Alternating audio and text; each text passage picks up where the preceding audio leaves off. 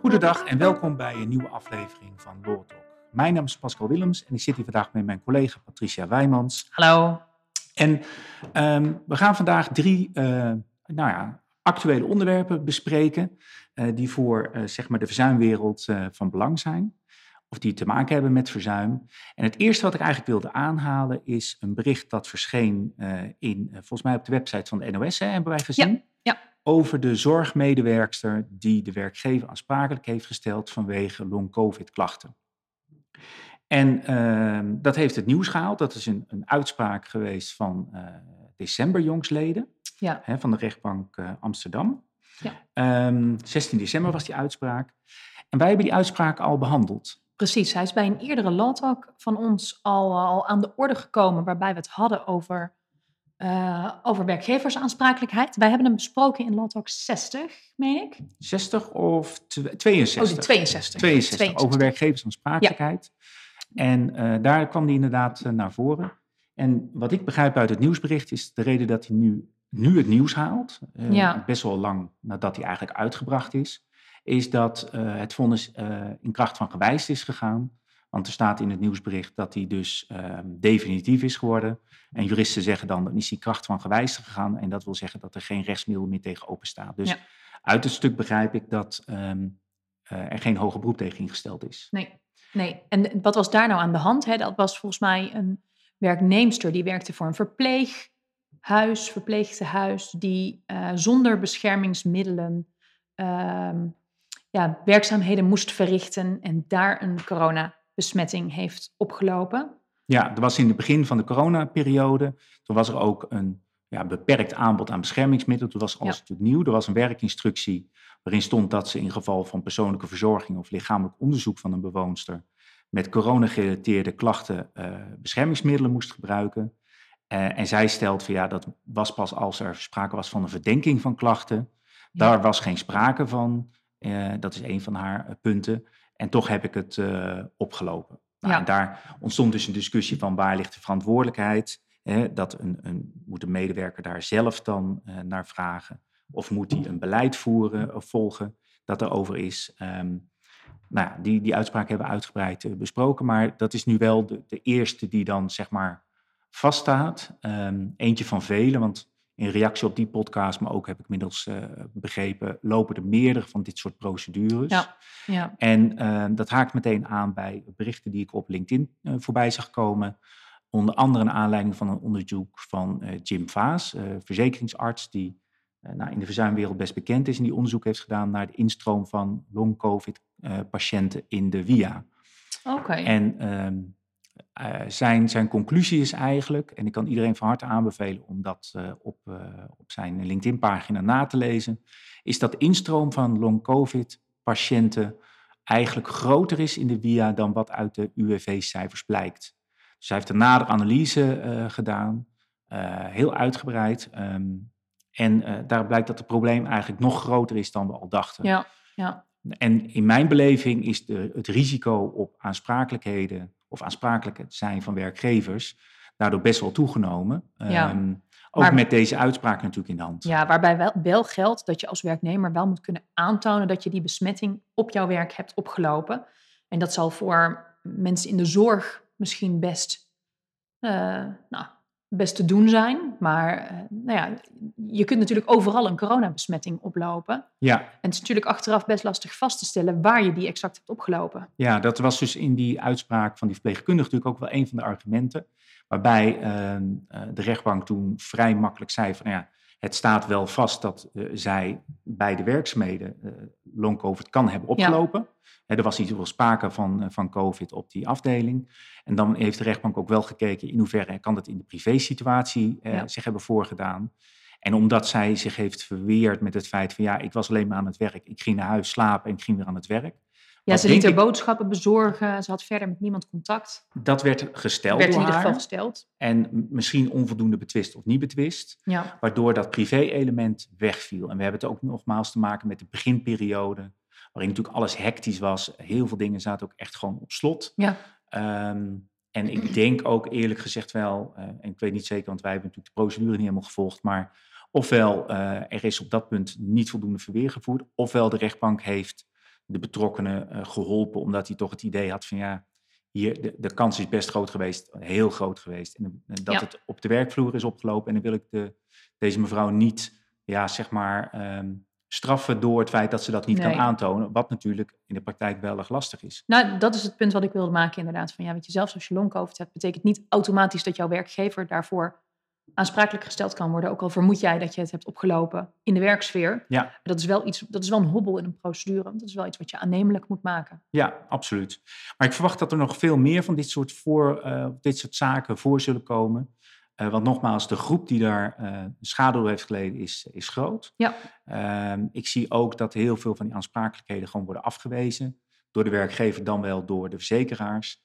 En dat leidt onherroepelijk tot allerlei uh, nou, kwesties. En zo zie je toch hè, dat um, het interessante is dat uh, COVID uh, is plotseling opgekomen. Wet en regelgeving is daar eigenlijk niet heel specifiek op afgestemd. We hebben, niet in één, we hebben wel een COVID-wet gehad of een coronawet, maar die sloeg op andere elementen. Je ziet dan dat de huidige wet en regelgeving op die nieuwe situatie wordt toegepast. We hebben dat gehad over vaccineren, over thuiswerken, over weigeren vaccineren, mondkapjes, noem maar op.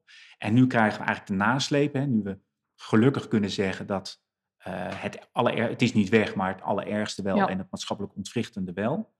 Uh, dat nu de nasleep ervan, dat wat wordt zichtbaar. En dat heb je met long-covid-patiënten. Je, hebt, je ziet het wat dit in de maatschappij heeft gedaan. Of het nou met mensen is, met scholieren is, ja. Um, uh, het heeft ergens ook weer voordelen opgeleverd. Het thuiswerken en het op afstand werken is veel meer. Ja, ja, dat heeft een vlucht genomen sinds, uh, sinds corona. Maar goed, er zijn natuurlijk ook een hoop schadelijke effecten. Ja, voor, en, en dat zit hem vooral in dit soort dingen die dus ja, op lange termijn impact hebben gehad. En het beleid wat er destijds is gevoerd. Ja. En het zou me ook niet verbazen als er ook nog procedures komen tegen de overheid en de beslissingen die de overheid toen de tijd heeft, heeft genomen onder andere het sluiten van de verzorgingshuizen. Ja. Uh, wat uh, eigenlijk vanuit de branche is gestimuleerd, maar wat ook weer andere nadelen heeft gehad. Maar dat is in ieder geval een actualiteit die we even wilden aanstippen.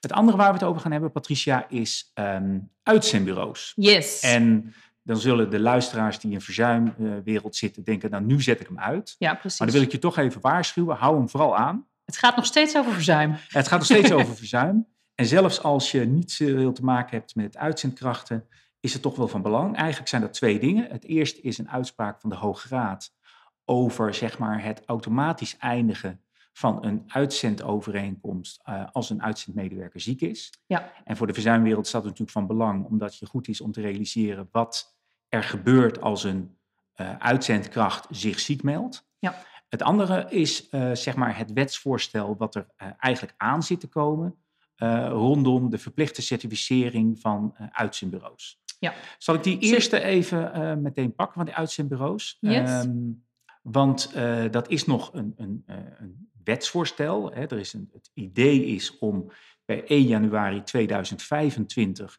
een verplichte certificering in te voeren voor uitzendbureaus. En er zullen heel veel mensen in de verzuimwereld denken van ja, wat gaat dat ons aan? Nou, dat gaan we jullie nu uitleggen. Uh, die certificering die gaat namelijk uh, gelden voor alle uitleners. Wat zijn uitleners? Nou, dat zijn inderdaad gewoon de uitzendbureaus. Maar dat zijn eigenlijk elke organisatie die uh, al dan niet beroepsmatig, al dan niet structureel, dus ook incidenteel, arbeidskrachten ter beschikking stelt. Precies. En wat gebeurt er heel veel binnen Arboland? Arbeidskrachten ter beschikking stellen. Ja. En denk maar aan de bedrijfsartsenleveranciers en de artsenleveranciers, maar ook case managementbureaus, ja. die een bedrijfsarts ter beschikking stellen, of dat nou bijvoorbeeld aan een collega arbeidsdienst is of bij een werkgever. Um, dat is in heel veel gevallen is dat detacheren, maar detacheren en uitzenden is eigenlijk hetzelfde. Um, het is het ter beschikking stellen van een arbeidskracht tegen betaling. En voor al die situaties gaan die regels gelden. Dat betekent dus dat als je als verzuimbedrijf een arbeidskracht ter beschikking stelt bij een, een inlener, een opdrachtgever, dat je vanaf uh, 1 januari 2025 uh, moet voldoen aan dat certificeringsstelsel. Nou, wat houdt dat in? Even heel kort, en het is nog een wetsvoorstel, dus er kan nog van alles gebeuren. Ja. Maar de gedachte ervan is dat um, uh, het gaat om de kwaliteit ervan en om misbruik tegen te gaan. Dat heeft eigenlijk te maken met arbeidsmigranten. van de week zag ik ook weer bericht over de huisvesting van arbeidsmigranten. Wij hebben daar in onze praktijk zeilings mee te maken, omdat we voor een groot uitzendconcern werken die ook arbeidskrachten huisvesten. En dat is, dat is echt wel in, in velelei opzichten een probleem. Maar vanuit de, de, ja, de misstanden die daar bij eh, sommige uh, wat malifide uitzendbureaus voorkomen, is dat certificeringssysteem. Dat heeft ook te maken met uh, de juiste loonbetalingen en het in kunnen staan voor dat loon. Nou, wat zijn de verplichtingen? er komt een, een zogenaamd SNA-normenkader, dus met NEN-normen, daar moet aan voldaan worden. daar wordt de certificering op gebaseerd. Um, er moet een, uh, aangetoond worden dat betaling van het juiste loon op grond van de uh, loonverhoudingsnorm plaatsvindt met een VOG. Je krijgt dus ook uh, dingen als wat is de beloning bij de inlener. Ehm, bijvoorbeeld, je stelt een bedrijfsarts ter beschikking aan een ar ar arbodienst. Dan hoort die bedrijfsarts die ingeleend wordt hetzelfde beloning te krijgen in de basis dan de bedrijfsarts die bij die arbodienst al werkt. Ja. dat is de inlenersbeloning. Er moet een bankgarantie uh, gesteld gaan worden. Uh, in principe 100.000 euro. Na, voor startende onderneming wordt dat na zes maanden verlaagd naar 50.000 euro. En na zes maanden wordt die weer een ton. Um, en dat is puur dat die bankgarantie moet gesteld worden om te zorgen dat als jij niet aan je verplichtingen voldoet. Ja, dat die personen betaald kunnen worden. Dat die personen betaald kunnen worden. Dat komt natuurlijk heel erg uit die. Vaak is dat uh, de, de, land- en tuinbouw. Um, maar dus ook in deze, uh, nou ja, eigenlijk ook voor bijvoorbeeld de, de verzuimbrand. Ja.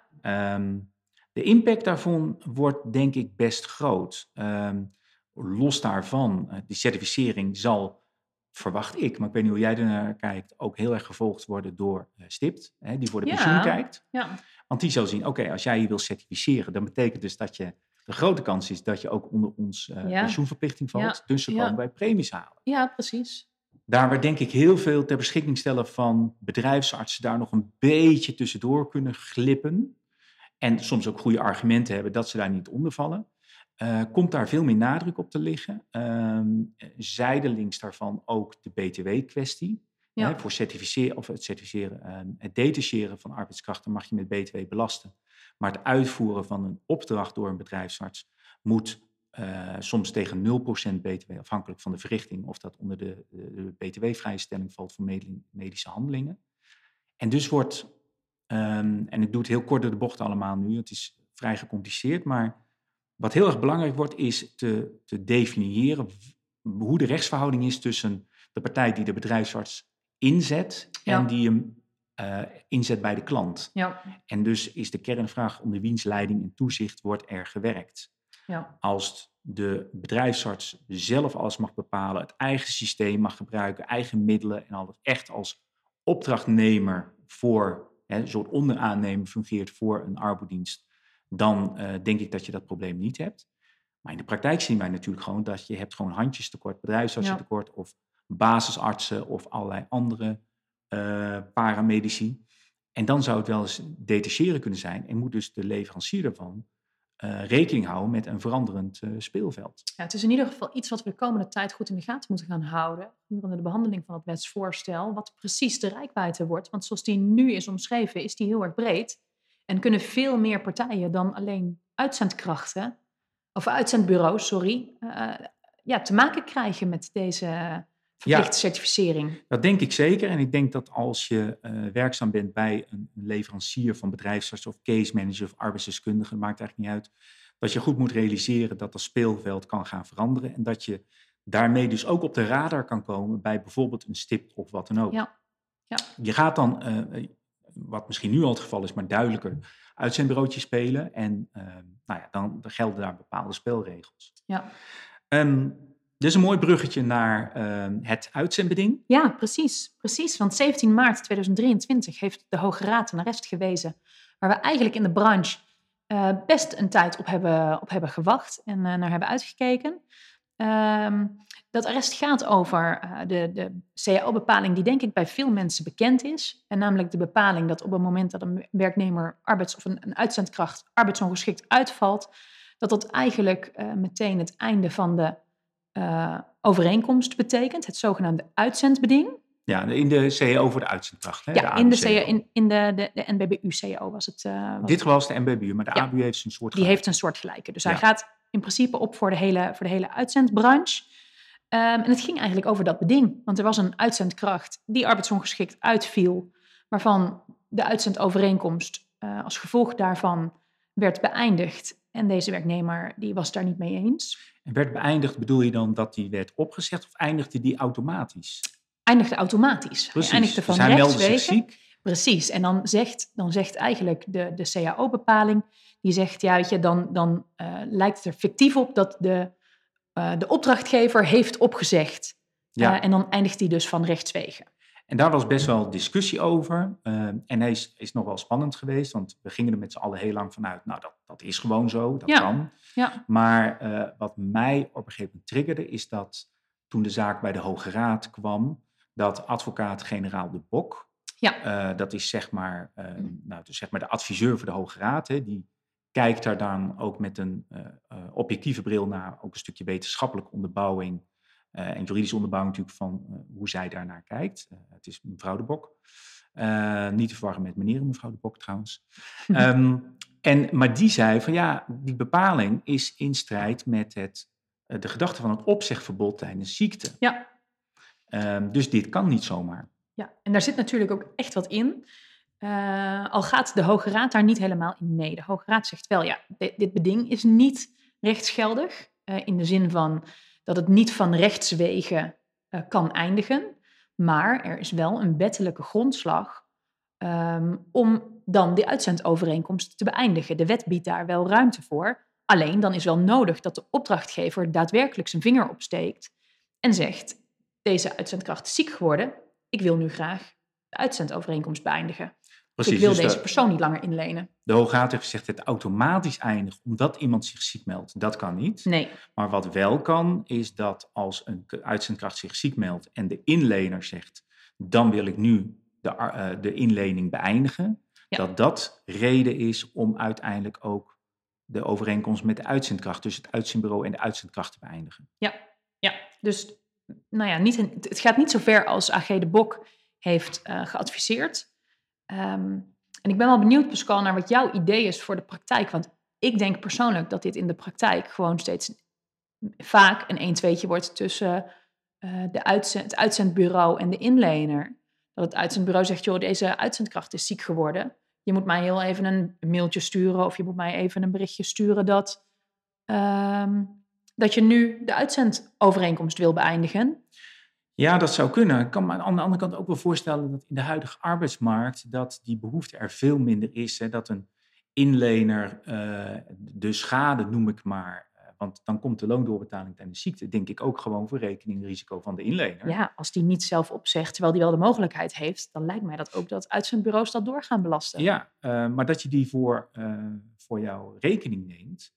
Uh, omdat uh, als je inschat van nou, dit is gewoon een reële ziekmelding, het is een griepje of iemand is een paar dagen even afwezig, die komt weer en die heb ik ook heel hard nodig. Want het alternatief is, ja. stuur maar een ander, die moet ik inwerken. Um, dat is een stuk, stuk lastiger. Wat nu natuurlijk de praktijk was, dat die uitzendovereenkomst automatisch eindigde.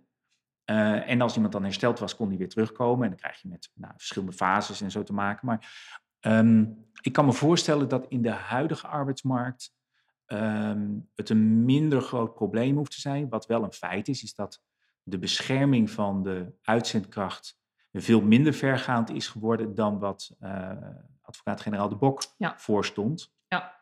Dus als uitzendkracht heb je niet dezelfde ontslagbescherming als een medewerker in vaste dienst. Ja, als gewone medewerker, ja. En, en, dat maakt dat flex kwetsbaarder is. Um, nou is natuurlijk de, de bedoeling van de overheid om flex wel weer terug te dringen.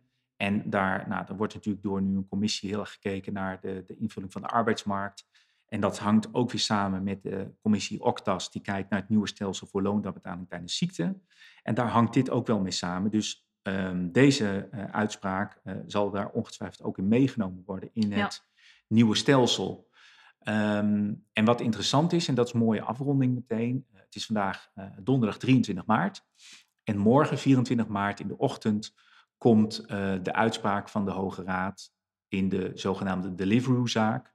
Daar zit heel arbeidsrechtelijk, juridisch Nederland met enige spanning op te wachten. Omdat de verwachting is dat de Hoge Raad daar duidelijkheid gaat scheppen tussen wanneer is een arbeidskracht een ondernemer, een ZZP'er en is die een werknemer. En dat is iets wat natuurlijk waar uh, nou ja, de, de, overheid heel lang al mee worstelt. Um, uh, al heel veel commissies natuurlijk op zijn gezet, nog steeds een commissie. Ja, waar uh, nog steeds geen duidelijkheid over is. Geen duidelijkheid. Nee. Uh, nou heeft diezelfde advocaat-generaal De Bok ook een voorzetje gedaan voor wat criteria, wat handvatten waarmee je het onderscheid kan maken tussen wat een werknemer is en een ZZP'er. Ja. En ik heb de indruk, en ik weet niet of je die deelt, dat vanuit de overheid ook wel ja, een beetje gewacht wordt op wat de Hoge Raad erover gaat zeggen in de hoop van, oké, nou, dat is dan ons meest wijze rechtscollege, laat ik het dan maar zo noemen. Uh, die denkt nou over het stelsel en dat we eigenlijk ja, door via de Deliveroo-uitspraak een soort ja. verkapt advies gaan krijgen van de Hoge Raad ja. over waar, moet dit, waar staan we nu. En vanuit daar, hè, dus als de Hoge Raad zegt, nou, dit is dit onderscheid, vervolgens de vraag, oké, moeten we dan nog iets gaan veranderen? Of is eigenlijk hoe de Hoge Raad er tegenaan kijkt, het onderscheid tussen een arbeidskracht en een uh, ZZP'er. Hè. Dat is in de Deliveroo de, de, de, de thuisbezorgmensen, noem ik maar. Ja. Um, die maaltijden brengen, geloof ik dat de Deliveroo deed. De Deliveroo is inmiddels uit Nederland vertrokken. Maar die brachten overal maaltijden. Ben je dan werknemer of zelfstandige? Uh, maar dat onderscheid, dat, dat ze eigenlijk gaan afwachten... wat gaat de Hoge Raad daarvoor slimme dingen over zeggen. Ja, ja, ik heb het idee dat ze het gewoon zelf niet opgelost kregen. Dat de wetgever kon gewoon zelf geen goede oplossing bedenken. Uh, ik heb inderdaad wel het idee dat nu de Hoge Raad daar echt in wordt afgewacht. En ik denk ook dat de uitspraak van de Hoge Raad uh, een heel grote stempel gaat drukken op wat er vanuit de wetgever gaat uh, gebeuren. Ja, ook omdat natuurlijk die hele discussie over dat zelfstandige werknemers, dat heeft natuurlijk heel veel politieke lading. Ja. En de Hoge Raad wordt geacht niet aan politiek te doen. Dus is dit wat binnen ons huidige rechtsstelsel het beste past. Ja. En ik verwacht ook als de Hoge Raad daar een oplossing voor krijgt, die voor een groot deel ook beleidsmatig naar de toekomst uh, veel afdekt. Ja. He, want het is ook met platformarbeid, wat natuurlijk in toekomende, uh, toenemende mate is. We hebben dat met Uber gezien en zo. Ja. Um, dat dat gebruikt wordt als de basis inderdaad. Inspiratie, maar misschien zelfs de basis voor de, voor de nieuwe wet en regelgeving. Ja, Daar houden jullie van op de hoogte. Um, als die Deliveroo-uitspraak er is, dan gaan we die uiteraard bestuderen en proberen we daar uh, begin komende week uh, een uh, loltalk over te maken, om er in ieder geval over bij te praten. En met name, wat betekent dat dan voor ja, de verzuimwereld? Want we kunnen toch wel zeggen dat vrijwel het grootste deel van onze luisteraars zich daar mee bezighouden. Ja. maar ook als je HR bent of directie, dan Ehm, is dat op zichzelf ook een hele belangrijke uitspraak. Ja, dat zijn ook belangrijke ontwikkelingen. Ik wil iedereen bedanken voor het luisteren naar deze Talk en graag tot de volgende keer. Tot de volgende keer.